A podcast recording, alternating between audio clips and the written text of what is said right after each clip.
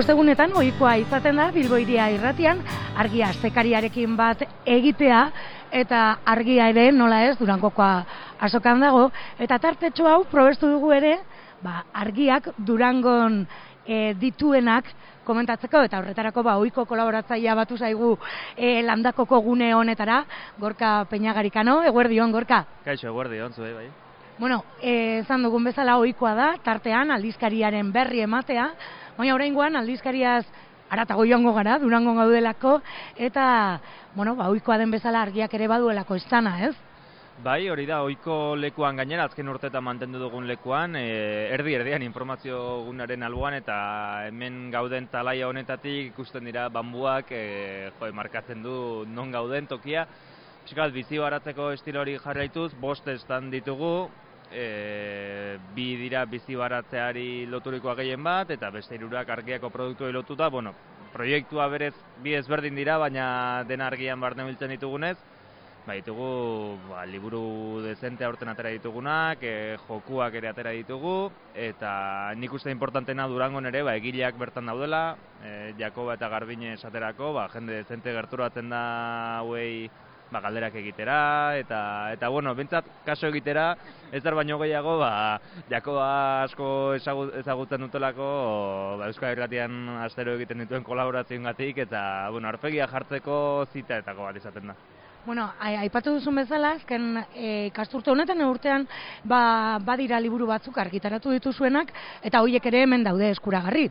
Bai, hori da, liburuak dira lau, e, urte honen hasieran hasi ginen argitaratzen eta lehenbiziko izan zen e, koldo izagirrek egineko bilduma bat, zaldi bati esgarrezko zelaian, bildu ditu nola baitera, azken egun eta berroita urtean e, Euskal Prentxak ekarri dituen artikulu kronika interesgarriena, kroniken bilduma bada, Ia esan sekulako errepaso egin du koldo urte hauetan guztietan, eta, bueno, planteatzen dena da, ba, kronikak e, separaturik irakurri daitezke, asko ipuinak ere badira, e, bueno, kronikako goangarri batzu daude, ba, mila bederatzeron hasierakoak esaterako, ba, nola galerna zetorrela nola kontatzen duen e, donostiatik egile batek, eta bueno, azkenerako da, ba, kronika, baina literaturatik asko duena, eta koldo berak ere hori ze nabarmentzen du, koldo bera egongo da hemen, larun batean, norbaitek e, kaso egin nahi badio eta zeo zer galdetu, ba, ba hor egongo da. Hori liburu bat, e, beste bat e, pello zubiriarena, e, kazetaritza ikuspegitik hau ere, e, neturbilen bilduma bat egin dugu horretan, neturbilak egiten bera hasi zen, e, argiako sail finko bada, hasieran dagoena, eta pixka bat ekologismoa eta ingurumena lantzen duena, eta hogei urte hauetan kasi mila artikulu argitaratu ditu, horien bilduma bat ekarri dugu liburura. Hauste dugulako, bueno, e, ikusten da, ba, bi mila garen urte hasieran ere planteatzen zituen galderak e, mundu mailakoak askotan, ba, uraren eskaziak, eta bueno, horren inguruan hitz egiten zuen, eta gaur egunen ere pilpilan daude. E, bai, kronika bilduma bat hau ere, beste bat daukagu, da, ja pixka bat bizi begiratuta, hausnarrean liburua, e, ardiei buruzkoa edo bueno, artzain batek Josebe Blankok idatzi du ardiekin duen harremana, pertsonekin duen harremana, bizitzarekin oro duen harremana artzain batek, e, bueno, ba, ze bakardade duen aldi berean eta zenbat zenbateko konpainia. Eska bat, horren inguruan dezente hitz egiten du eta harrera oso naitzaten ari da, ba holako liburuak ez direlako ainoikoak eta laugarren liburua komikia e, nio, hau buruz hitz egin izan dugu dezente, eta aurkezpenak ere dezente egin dituztean eta hemen, e, da bertsolaritza eta feminismoa elkarturik, emakumeek e, nola baitere plazan duten presentzia nolakoa den, presentzia eskasia, e, kupoa betetzearena ere nahi gainean jartzen da, egileak gidoiaren edo bueno, edukiaren egileak e, Eli Pagola eta Miren Artetxe dira eta Maitean Egartzean diak egin dizkeo ba, marrazkiak eta egia esan ba, honek ere ba, oso oso harrera ona izan du lauliburu, aldizkaria bera ere, arpidetza egiteko aukera ere, bertatik bertara, eta klasiko bat eta batzuetan ere, e, bueno, ez da bakarra, baina egutegia. Egutegia, egutegia, egutegiaren takoa, e, izaten da nahiko saldua, e, bai, egutegiaren takoa, ba, fetxa hauetan, egia esan atoren urteari begira, Ba bai, efemeriden kanal horrekin segitzen dugu sareetan e, dagoeneko bosgarren urtea da atera duguna. E, iaz ateratako efemididei eta azken, bueno, azken urtetan ateratakoei alako segida bat emanez, e, urtero bat gehiago gehitzen goaz, piskat memoria kolektiboaren alde, eta bueno, zer gogoratu nahiko genuken ariketa hori eginez, e, kanpotik erabakitzen denean askotan ez, ba, gaur ez dakiz eguna da, ba, bueno, guk geuk ere aldarrikatzeko, ba, zer gogoratu nahi dugu gaurko egunean. Egutegiaren takoa da hori, landareak eta ilargiaren egutegiare bada, ilargiaren faseak eta ezagutzeko, eta pixka bat egunean eguneko segitzeko, eta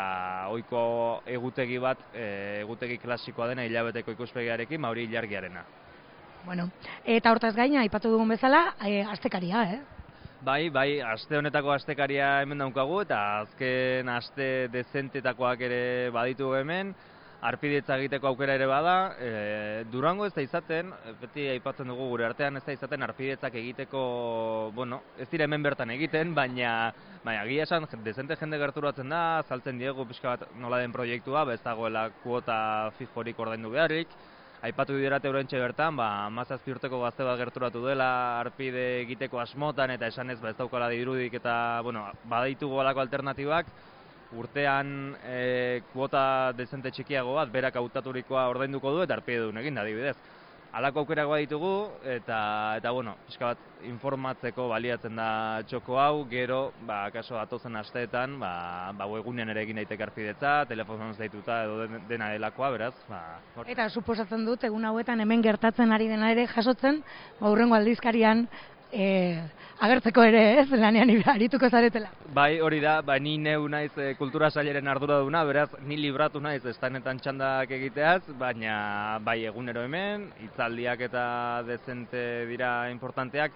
e, geuk ere argiako edukiak ere aurkezteko plaza izango dugu, egun hauetan guztietan, Eta bai, ba, hemen gertatzen direnari, ba, datxo batekin, e, beste begi batzuetatik begiratu, eta, eta bueno, e, jendearekin hitz egin, e, hemen ondo pasatzeko, eta jende ezagutzeko, jendeari arpegia jartzeko, eta proiektu ezberdinain berri izateko ere, ba, plaza dotore izaten da durango. Ba, entzuleari gogoratu, argia aztekariak, argia proiektuak, baduela berezana, e, gorkak aipatu digun bezala, ba, hemen goikalde balkoi honetatik argi ikusten da, e, bambuak, eta hortxe izango e, dira, aipatutako ba, lan guztiak. Gorka datorren astean irratean elkartuko gara. Bai, hori, ja aztekariari buruz ezketan, hori da. Eskerrik asko. Eskerrik asko zuei.